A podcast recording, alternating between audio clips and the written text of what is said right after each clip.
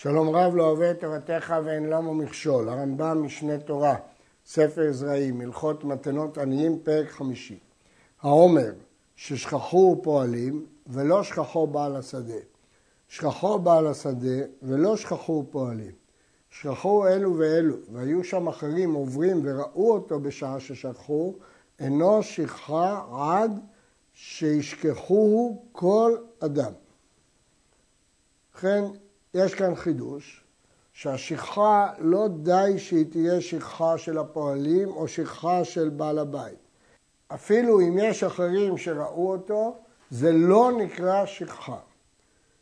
ויש לשאול, הרי כתוב כצילך ושכחת, וכאן הוא שכח, מדוע זה לא שכחה? התשובה היא, כיוון שיש אחרים שיזכירו אותו, זה לא נקרא שכחה. זה גמרא בירושלמי, שכך משמע ממנה. ואפילו עומר הטמון אם נשכח, הרי זה שכחה. כך כתוב בספרי, שאפילו אם הוא טמון, זה נקרא שכחה, לומדים את זה מפסוק שמופיע בעגלה ערופה. היה בעל השדה בעיר, הוא לא נמצא בשדה עם הפועלים, ואמר, יודע אני שהפועלים שכחים עומר בשדה שבמקום פלוני. אני יודע שהפועלים שוכרים את העומר שיש במקום פלוני. שכחו, הרי זה שכחה. כשהוא נמצא בעיר ואומר את זה, זה לא נקרא שהוא מבטל את השכחה. ואם היה בשדה ואמר כן ושכחו, אינו שכחה. אבל בעיר שהשכוח מעיקרו בשדה הוא השכחה, אבל בעיר אפילו זכור ולבסוף שכוח הרי זה שכחה, שנאמר ושכחת עומר בשדה, לא בעיר. בעיר לא אכפת לי שהוא זכר קודם. אם בסוף בפועל כשהפועלים הגיעו לעומר הזה הם שכחו אותו, זה שכחה. מה שאין כן בשדה, שבשדה אם הוא נמצא שם והוא אמר אני יודע שהם ישכחו ואני זוכר אותו, זה לא שכחה, כיוון שזה לא שכוח מעיקרו. הגמרא בירושלמי גורסת להפך, אבל הרמב"ם פסק כגרסה הזאת מפני שכך משמע מגמרא בבבא מציאה בפרק שניים אוחזים. עמדו העניים בפניו. אם העניים עמדו בפני העומר כדי שהפועלים לא יראו אותו ולא ייקחו את העומר הזה. או שחיפרו בקש והוא זוכר את הקש, או שהחזיק בו להוליכו בעיר והוליכו בשדה ושכחו, אינו שכחה. יש כאן שלושה מקרים. המקרה הראשון הוא פשוט, העניים עמדו בפניו, ולכן זה לא היה שכחה, הוא היה רואה את העומר הזה, רק העניים הסתירו אותו. או שהוא כיסה אותו בקש, הוא זוכר את הקש, אז כשהוא יגיע לקש, הוא יגיע גם לעומר. או שהחזיק בו להוליכו בעיר, הוא כבר לקח את העומר הזה לעולה והניח אותו בשדה, זה כבר לא שכחה, כי הוא כבר בשלב שהוא לקח את העומר להוליך אותו לעיר. אבל אם נטע לו ממקום למקום, אם בתוך השדה הוא העביר עומר ממקום למקום, אף על פי שהניחו סמוך לגפה או לגדיש או למכה או לכלים ושכחו, הרי זה שכחה. כיוון שזה בשדה, הוא לא יחזיק בו להוליכו בעיר והוא שכח. זאת מחלוקת בית שמאי ובית הלל, כיוון שבית שמאי סוברים שכיוון שהוא סמוך לגפה ולגדיש ולבקר ולכלים, אז זה לא שכחה. למה? מכיוון שבית שמאי סוברים, כיוון שהוא שם את זה במקום שבטח הוא יזכור אותו, זה לא שכחה. אבל לפי בית הלל זאת שכחה, וכמובן שהרמב"ם פוסק לדעת בית הלל. נטל עומר להוליכו לעיר, והניחו על גבי חברו, ושכח את שניהם. אם זכר העליון קודם שיפגע בו, אין התחתון שכחה, ואם לאו, התחתון שכחה. הדין הזה הוא לא דין פשוט, לא בהסברו ולא במקורותיו. לפי הרמב"ם, אם הוא זכר את העליון לפני שהוא יפגוש בו, אז זה לא שכחה. למה? הלשון של הגמרא היא נתנו על גבי חברו ושכח את שניהם, התחתון שכחה והעליון אינו שכחה. רבי שמעון אומר שניהם אינם שכחה, התחתון מפני שהוא מכוסה והעליון, רבי זרע מסביר, מפני שהוא זוכר את העליון. כלומר, כיוון שהוא זכר את העליון, אז העליון הוא לא שכוח, והתחתון הוא לא שכחה כיוון שהוא מכוסה. יש גם פירוש אחר, שכיוון שברור שהוא יבוא לעליון, אז ברור שהוא גם ימצא את התחתון. ולכן גם התחתון הוא לא שכחה, לא מפני שהוא מכוסה, מפני שהוא זוכר את העליון, וכשהוא ייקח את העליון הוא מיד יראה את התחתון וייקח אותו. אז זה לא נקרא שכחה. עפו אומריו ברוח חזקה לתוך שדה חברו.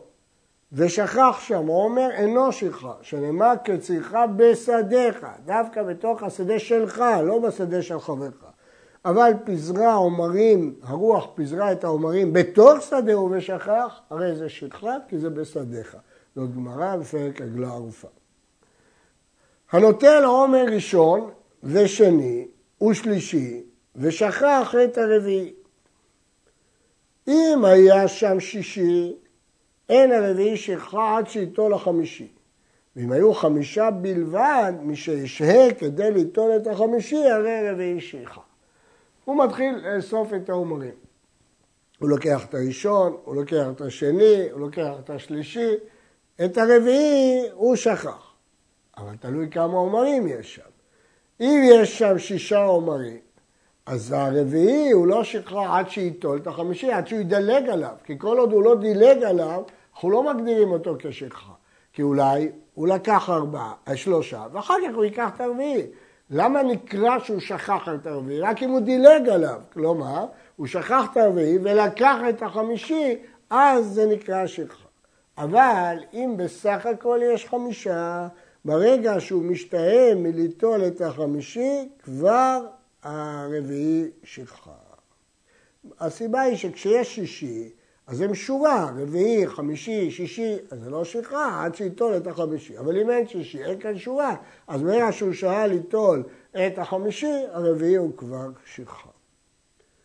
שדה שעומריה מעורבבים ושכח את אחד מהם, אינו שכחה עד שיטול את כל סביבותיו. פירוש הדבר, כשהעומרים מסודרים בשורות, אז אם הוא דילג עומר אחד, מיד אתה יודע שזה שכחה. אבל כשהם לא מסודרים בשורות, מה נקרא דילג? אתה לא יודע מאיפה מתחילים, מאיפה מתחילים לאסוף, אז מה נקרא דילוג, מה נקרא שכחה? התשובה היא שייקח את כל סביבותיו. אם הוא לקח את כל הסביבה והשאיר עומר אחד, ברור שזה שכחה. הלוף והשום והבצלים וכיוצא בהם, אף על פי שהם טמונים בארץ, יש להם שכחה. זאת מחלוקת רבי יהודה ורמנן. רבי יהודה סובר קצירך, מה קצירך בגלוי, אף כל בגלוי, למעט את הטמון שאין להם אבל חכמים אומרים אפילו טמון, וכבר למדנו שהרמב"ם פוסק שאפילו אם זה טמון זה שכחה, לכן גם הירקות האלה שהם טמונים יש להם שכחה. הקוצר בלילה ושכח כמה, או שהימר בלילה ושכח עומר, וכן הסומה ששכח, יש להם שכחה. למרות שברור שבגלל הלילה או בגלל הסומה שהוא לא רואה, הוא שכח, זה לא משנה, כי בפועל זאת שכחה. אה, הרמב"ם ממשיך, ואם היה הסומא או קוצר בלילה מתכוון ליטול את הגס הגס, אין לו שכחה. אם מראש התוכנית שלו לקחת רק את הגדולים, כי זה לילה, או כי הוא לא רואה טוב, אז כאן ברור שכל התוכנית שלו הייתה רק לקחת את הגדולים, אז האחרים זה לא שכחה, כי הוא לא תכנן לאסוף אותם בלילה. וכל האומר, הרי אני קוצר על מנת מה שאני שוכח אני נותן, יש לו שכחה. שכל המתנה על מה שכתוב בתורה תנאו בטל. הוא הודיע מראש, תדעו לכם, שמה אני שוכח אני מתכנן לקחת אותו. זה לא עוזר, זה מתנה על מה שכתוב בתורה. התורה כתבה שאם שכחת, אסור לך לקחת אותו. אז מה, אין שום משמעות לתנאי הזה שאתה אומר מראש. רבי עקיבא איגר על המשניות מקשה, שזה בכלל לא תנאי. מה זה תנאי? אם יקרה דבר מסוים, כך, ואם לא, לא. אז מה הוא מתנה פה? הרי אני קוצר. שמה? שמה שאני שוכח אני נוטל, ואם מה שאתה שוכח לא תיטול, אז אתה לא קוצר? זה מציאות, קצרת ושכחת. מה זה תנאי? אז ברור שלא הכוונה לתנאי בהלכות תנאים, זה ביטוי. כלומר, אתה רוצה להתחמא, להתחכם על דעת תורה. התורה אמרה שאם שכחת זה שכחה. אתה רוצה להתחכם, ואומר, אני מצהיר עכשיו, אני מוסר מודעה שאני זוכר. אבל אחר כך שכחת, וכיוון ששכחת אחר כך זה שכחה. אז זה מתנה על מה שכתוב בתורה לא במובן הרגיל, שכמו מקדש אישה על מנת שאין עלייך שאין כסות ועונה וכדומה. שם זה תנאי רגיל. פה זה לא תנאי רגיל, זה פשוט ניסיון לבוא ולהגיד שדיני התורה לא יחולו, כי הוא זוכר עכשיו. זה לא כלום. תבואה שקצרה עד שלא נגמרה, לפני שהיא בשלה, לאכילה לבהמה. וכן אם קצרה אגודות אגודות קטנות ולא עשיה עומרים. וכן השום והבצלים שתנשן אגודות קטנות להימכר לשוק ולא עשיה עומרים להעמיד מהם גורן, אין להם שכחה. כי שכחה זה דווקא בקציר. קציר זה קציר שלא של שחת, אלא קציר של תבואה, ועומרים זה דווקא עומרים כדרך שבני אדם עושים, ולא אגודות קטנות, אלא דווקא בצורה של קציר יש שכחה. הקוצר, שהתחיל לקצור מראש השורה, ושכח לפניו ולאחריו. שלאחריו שכחה, כי הוא כבר עבר את זה. שלפניו אינו שכחה. הוא עוד לא שכח את זה, הוא עוד יבוא מחר וימשיך. שנאמר לא תשוב לקחתו. אינו שכחה שיעבור ממנו והניחו לאחריו. זה הכלל. כל שהוא בבל תשוב, שכחה. כל שאינו בבל תשוב אינו שכחה. אם דילגת על משהו ולא אספת אותו, זה שכחה. אבל אם עוד לא אספת אותו, זה לא נקרא שכחה. שניים שהתחילו לקצור מאמצע השורה. זה פניו לצפון וזה פניו לדרום. הם רוצים לקצור בבת אחת את השדה, והם עומדים באמצע השורה עם פנים לכיוונים הפוכים, אחד לצפון ואחד לדרום. ושכחו לפניהם ולאחריהם.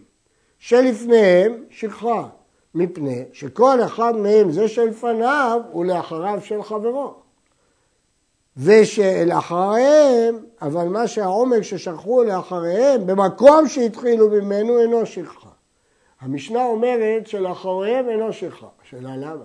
למה שלאחוריהם אינו שכחה? מסביר הרמב"ם שלאחוריהם הכוונה כשהם התחילו לקצור, התחילו לנוע זה לצפון וזה לדרום, השאירו עומר אחד באמצע שלא התחילו איתו, זה לא שכחה, כי הם לא התחילו ממנו בכלל. הרמב"ם מנמק מפני שהוא מעורב עם השורות ממזרח, שמן המזרח למערב, והם מוכיחים עליו שאינו שכוח. כלומר, את העומר הזה שהשאירו ביניהם הוא תכנן לקצור כשהם יעברו, יעברו ממזרח למערב, הם קוצרים שתי וערב. אז עובדה שאת העומר הזה הם הניחו, כאשר הם יבואו לשורה ההיא ממזרח למערב הם יקצרו אותו. לכן זה לא נקרא שכחה. וכן השורות של העומרים, שפינו, אגב יש פירושים אחרים למשנה הזאת, אבל זהו פירוש הרמב"ם. וכן השורות של העומרים שפינו אותם לגורן. והתחילו שניים מאמצע השורה ושלחו עומר באמצע בין אחוריהם אינו שכחה. פני שהוא באמצע השורה שמן המערב למזרח שעדיין לא התחילו בה והיא מוכחת עליו שאינו שכוח. אותו דין בדיוק, רק לא בקצירת קמה אלא באיסוף המורים, אבל אותו דין. הקוצר, ואילם אלומות אלומות, אלומות זה אגודות קטנות, וחזר ופינה אלומות והם הנקראים עומרים ממקום זה למקום אחר, מקום שני למקום שלישי, מקום שלישי לגורן. הוא אוסף את זה לגורן בשלבים, הוא קודם כל מה שבאזור אחד מרכז, אחר כך הוא מרכז כמה אזורים יחד, אחר כך בסוף הוא אוסף את הכל ושם בגורן. ושכח העומר בשעה שפינה למקום למקום בשלבים הראשונים. אם פינה העומרים למקום שהוא גמר מלאכה ושכח, יש לו שכחה. וכשפינה ממקום שהוא גמר מלאכה לגורן, אין לו שכחה. אם הוא פינה למקום ששם יהיה גמר המלאכה, אז זה, ש... המקום הזה זה גמר המלאכה וזה שכחה. אבל מכאן ואילך כבר זה לא שכחה, כי כבר נגמר, נגמר המקום של המלאכה, נגמר האיסוף. למרות שאחר כך הוא החליט לאסוף אותם לעומר. אבל אם במקום הראשון הוא תכנן לדוש, לזרוק למקום שהוא גמר מלאכה, אז זהו, אחרי זה אין שכחה. ואם פינה עומרים למקום שאינו גמר לך, מקום זמני, שהוא לא מתכנן שם לדוש או לקצור, אלא הוא מתכנן לקחת את זה ולאסוף את זה לגורן, אין לו שכחה, כי בשלב זה, זה בכלל עוד לא גמר לעבוד. וכשפינה ממקום שאינו גמר לך לגורן, יש לו שכחה, כי עכשיו הוא מפנה למקום הסופי, שם יש לו שכחה. איזה הוא מקום שהוא גמר מלאכה? זה מקום שדעתו לקבץ כל העומרים שם ולדוש אותם שם. זה גמר מלאכה. או להוליכה משם במקום גדי שהוא הגורן. ומקום שאינו גמר מלאכה הוא המקום שמקבץ מהעומרים כדי לעשות מהם אלומות גדולות כדי להוליכה למקום אחר. כלומר, אם זה רק אזור ביניים, ששם עושים איסוף מכל האזור, אז המקום ביניים הזה זה לא מקום גמר מלאכה. הוא צריך להוליך אותו לגורן. אבל אם המקום הזה הוא מתכנן לדוש שם, ברור שזה גמר מלאכה. ואפילו אם הוא לא מתכוון לדוש, אלא דעתו להוליך את כל העומרים משם לגדיש, אז בעצם זה מקום גמר מלאכה, כשהוא מעדיף לעשות את זה בגדיש. זה לא משנה, זה גמר מלאכה. שתי כריכות המובדלות זו מזו, שכחה. שלוש אינם שכחה. שני עומרים מובדלים זה מזה, שכחה. שלושה אינם שכחה. הדין של שכחה זה רק באחד או בשניים, אבל בשלוש זה לא שכחה. לומדים את זה לעני ולגר. שני ציבורי זיתים והחרובים מובדלים זה מזה שכחה, שלושה אינם שכחה. שני חוצני פשתן, שכחה, ושלושה אינם שכחה. הדין של חוצני פשתן, בפירוש המשנה, הרמב"ם כותב קנים של שכחה. קנים של שכחה. אה, כתוב על זה קסבן קוטון, זה קנים של פשתן. ברצוני גם להדגיש שמה שהרמב"ם אמר פשתן, מדובר בפשתן שנאכל. הרמב"ן אמר בהלכת ט"ו ששני עוצני פשתן שכחה, מדובר בפשתן שהיה נהוג לאכול אותו ולא ללבוש כמובן, וכך מופיע גם בהלכות קודמות, כבר נתקלנו שהיה דרך לאכול פשתן, איננו יודעים בדיוק במה הכוונה. שתי גפנות וכן בשאר אילנות שניים המובדלים זה מזה שכחה ושלושה אינם שכחה. מאיפה כל הדין הזה של מבדיל בין שניים לשלושה? שנאמר לעני ולגר תעזוב אותם. אפילו היו שניים, אחד לעני ואחד לגר. מזה לומדים ששניים שכחה, אבל שלוש לא שכחה, זו סברת בית הלל. בית שמאי חולקים ואומרים שאפילו שלוש שכחה, שכתוב לגר, ליתום ולאלמנה. אבל הרמב"ם לומד לעני ולגר זה שניים, אבל שלושה זה שכחה. היו כל העומרים של קו קו, ואחד של ארבעת קבים ושכחו, הרי זה שכחה.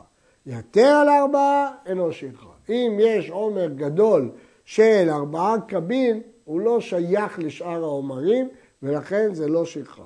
וכן, אם היו של שני שני קבים, ואחד יתר על שמונת קבים, אינו שכחה. לכן הרמב"ם למד את זה מהיגיון, שהרעיון הוא שדבר שהוא גדול הוא כאילו מצוין, מסומן, מסוים, אז לכן זה לא שכחה, אז זה הכל יחסי. אז אם כל האומרים של שני קבים, אחד של שמונה קבים, זה אותו דבר, הוא בולט, הוא מסוים, הוא מצוין, ולכן זה לא שכחה. העומר, שיש בו סעתיים ושכחו, אינו שכחה. שנאמר ושכחת עומר בשדה, עומר ולא גדיש. אם זה כמות גדולה כזאת של סעתיים, זה כבר לא שם עומר, זה כבר שם של גדיש.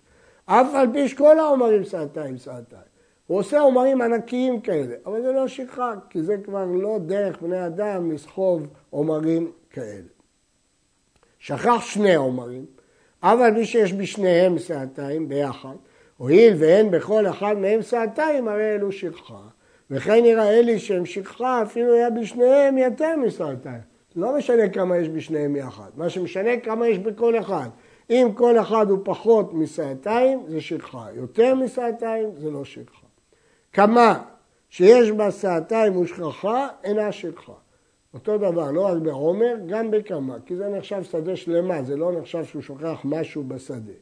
אין בה סעתיים, רואים את השיבולים הדקות כאילו הן בריאות וארוכות, ואת השדופות כאילו הן מלאות, ואם הייתה ראויה אחר אומדן זה לעשות סעתיים ושכחה, אינה שכחה. המשנה אומרת, אפילו היא טופח, רואים אותה כאילו ענווה של שעורים. מה פירוש? מבחינת השטח זה בעת סעתיים. בפועל התבואה גרועה, היא לא תוציא סעתיים, אבל זה לא משנה, כי אם היא הייתה טובה, היא כן הייתה מוציאה שעתיים. אז מבחינת הכמות זה כמות של סעתיים. לא אכפת לי שבפועל לא יהיו שם גרגירים של סעתיים, כי היא לקויה התבואה, זה לא משנה. אבל אם היא הייתה בריאה, היא הייתה עושה סעתיים, אז זה לא שכחה. שכח שאה תבואה עקורה ושאה שאינה עקורה. אמרנו שיש שכחה או בעומר או בקמה. וכאן הייתה שאה בעומר ושאה בקמה. אינם מצטרפים, אלא שניהם שכחה, זה של העניים, כי בקמה זה שאה אחת ובעומר זה שאה אחת. וכן בשום, בבצלים, פירות האילן, אם שכח מקצתם בקרקע ומקצתם תלוש ושניהם שעתיים, אינם מצטרפים, אלא שניהם שכחה. כי חלק זה בקרקע וחלק זה בתלוש, אז זה לא מצטרפים. מה שכתב הרמב"ם פה, שסעתיים בפירות האילן לא מצטרפים, יש להדגיש שמדובר בפירות האילן. כי באילן עצמו למדנו שאין דין צעתיים, אלא כל כמות שיש בו, יש בו שכחה. לכן יש להדגיש שפה מדובר בפירות האילן, וכך גם בהלכות אחרות שזה מופיע. הלכה כ"א השוכח עומר בצד הקמה שאינה שכוחה, אינה שכחה, שנאמר כי תקצור ושכחת עומר, עומר שסביבותיו קציר שכחה, אבל עומר שסביבותיו קמה אינו שכחה, כיוון שסביב יש קמה זה לא שכחה, זה נקרא בלשון המשנה, קמה מצלת את העומר.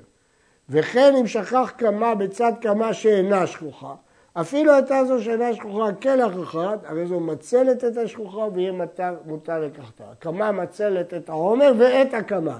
דהיינו, אם יש קמה שכוחה בצד קמה שלא שכוחה, היא לא שכחה. רק אם הוא קצר את סביבותיה והשאיר אותה לבד, אז זה שכחה. אבל אם שכח עומר או קמה בצד עומר שאינו שכוח, אפילו היה בו סעתיים, אינו מציל אותם, והיה שכוח לעניים. אין לעומר כוח להציל קמה. אז הקמה מצלת את העומר ואת הקמה, כלומר, קמה שאינה שכוחה, גורמת שהקמה והעומר שיהיו בצידם לא יהיו שכחה, אבל העומר לא מציל לא את העומר ולא את הקמה. אין קמת חברו מצלת על עומר שלו. אם הוא אסף את הכל ושכח, וליד זה יש קמה של מישהו אחר, זה לא מציל. ואין קמת שעורים מצלת על עומר חיטים, עד שיתר הקמה ממין העומר ומשדה שלו. ולא משדה של חברו. השוכח אילן בין האילנות, אפילו היו בו כמה שאים פירות, או ששכח שני אילנות, הרי הם שכחה. שלושה אינם שכחה. לשון המשנה, כל זית שיש לו שם בשדה, אפילו כזית הנטופה בשעתו, ושכחו אינו שכחה. ושאר כל הזיתים, שניים שכחה, שלושה אינם שכחה. לכן, אם זה אילן רגיל בין האילנות, לא חשוב כמה שרים יש לו, הוא לא שכחה. במה דברים אמורים? באילן שאינו ידוע ומפורסם במקומו. מה זה ידוע ומפורסם? או במקומו, כגון שהיה עומד בצד הגת או בצד הפרצה, יש לו מקום מפורסם, הוא ליד הגת או ליד הפרצה בגדר, או במעשיו, כגון שהיה עושה זיתים הרבה, אילן מיוחד שהוא מייצר הרבה זיתים, או בשמו, כגון שהיה לו שם ידוע, כגון זית הנטופה בין הזיתים, שהוא נוטף שמן הרבה, או שופכני, או ביישני. אבל אם היה בו אחד משלושה דברים אלו, אינו שכחה. שאמר ושכחת עומר בשדה, עומר שאתה שולחו לעולם, ואין אתה יודע בו, אלא אם כן תשוב ותראהו. יצא זה שאתה זוכרו לאחר זמן, אף על פי שלא תפגע בו, מפני שהוא ידוע ומפורסם. כלומר, שכחה זה רק בדבר שאתה לא תזכור אותו אלא אם כן תראה אותו מחדש. אבל אם אתה תיזכר בו בגלל שמו, בגלל מעשיו, בגלל מקומו, זה לא שכחה.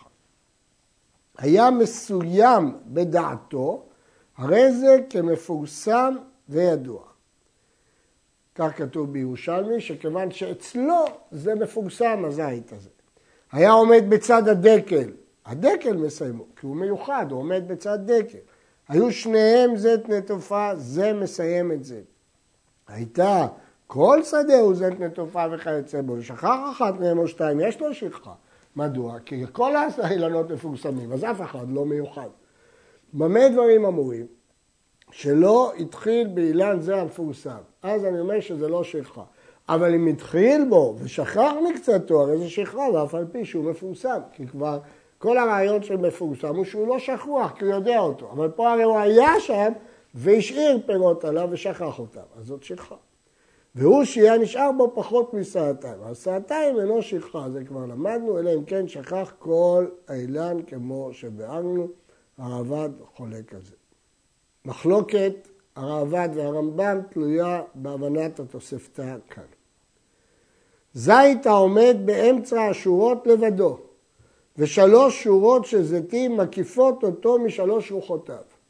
אף על פי שאין בכל שורה מהם אלא שני זיתים, ושכח את האמצעי, אינה שכחה. שאר השורות הסתרו. לא ראו אותו, כי הם הלכו לפי השורות ולא שמו לב שיש זית שעומד בין השורות. ולמה אמרו זית בלבד? מפני שהיה חשוב שם בארץ ישראל באותו זמן. וכיוון שהוא היה חשוב, אז הוא היה מפורסם וברור שהוא לא ישכח אותו, למרות שהוא בין השורות, הוא יבוא ויקח אותו כאשר הוא יגלה אותו. איזוהי שכחה בעריס? כל שאינו יכול לפשוט את ידו ולתלה. מה פירוש? גפן שמודלה על גבי סוכה, על גבי כלונסאות, אם הוא כבר עבר את זה למרחק כזה שאם הוא יפשוט את היד אחורה הוא לא יכול לקחת, זה נקרא שהוא שכח. אבל אם עדיין הוא יכול לפשוט את היד, הרי הוא לא יכול לכתוב את כל הענבים באותה נקודה, הוא מסובב את היד, אז כל איפה שהיד יכולה להגיע עדיין זה לא נקרא שהוא שכח. אבל אם הוא יתקדם והוא כבר לא יכול לפשוט את היד ולהגיע, זאת שכחה. ובכרם, כלומר, אם זה לא כרם שמודלה על כנצרות זה אריס, אלא כרם שמודלה על הארץ, מי שיעבור מן גפן מן הגפנים וישכח אותה. בדלית ובדקל, מי שירד ממנו. כיוון שזה מודלה גבוה, ברגע שהוא טיפס וירד, סימן שהוא שכח את השאר. ושאר כל האילן, מי שיפנה וילך לו, הסתובב ועזב את העץ. במה דברים אמורים שלא התחיל בו? אבל התחיל בו ושכחו, אינו שכחה עד שיבצור את כל סביבותיו. כך כתוב בתוספתא, במה דברים אמורים שלא התחיל בו, אבל כשהתחיל, אז זה לא שכחה. הדבר הזה הוא קשה. למה? דווקא אם התחיל בו, יותר סברה להגיד שיש שכחה. אז באמת רבנו שמשון כותב, זה טעות סופר בתוספתא, וצריך להגיע במה דברים אמורים כשהתחיל בו. אבל אם לא התחיל בו, אז זה לא שכחה. וזאת סברה הרבה יותר טובה, ויש כאלה שמתקנים את הגרסה הזאת גם ברמב"ם גורסים כך. כי לפי גרסת הרמב"ם לא ברור ההיגיון למה אה, כשלא התחיל בו זה שכחה, ואם התחיל בו זה לא שכחה, זה לא מובן. הלכה כ"ז המפקיר את כרמו, הוא לא רצה לתת מתנות עניים, והוא התחכם והפקיר, והפקר פטור ממתנות עניים. והשכים בבוקר, לפני שיבואו אנשים לזכות בהפקר, הוא קם מוקדם וזכה בו לעצמו. חזר וזכה בכרם. ובצרו, חייב בפרט ובלילות ראשיך ופיה. לא הועילו לפטנט הזה, למרות שהוא זכה עכשיו מההפקר. שהרי שדך וכרמך אני קורא בו, פני שהיה שלו והרי הוא שלו. זה היה שלך ונשאר שלך, אז למרות שבאיזה שלב באמצע זה היה הפקר, בכל אופן הוא חייב. רש"י אומר שלומדים את זה מפסוקים. יש שאומרים שזה קנס מדי רבנן, מלשון הרמב"ם משמע שזה מהפסוקים. אבל אם זכה מן ההפקר בשדה של אחרים, סתם לקח מההפקר, וזה פטור מן הכל, כי הפקר פטור ממתנות עניים.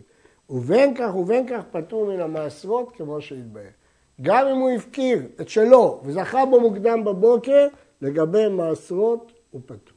aadka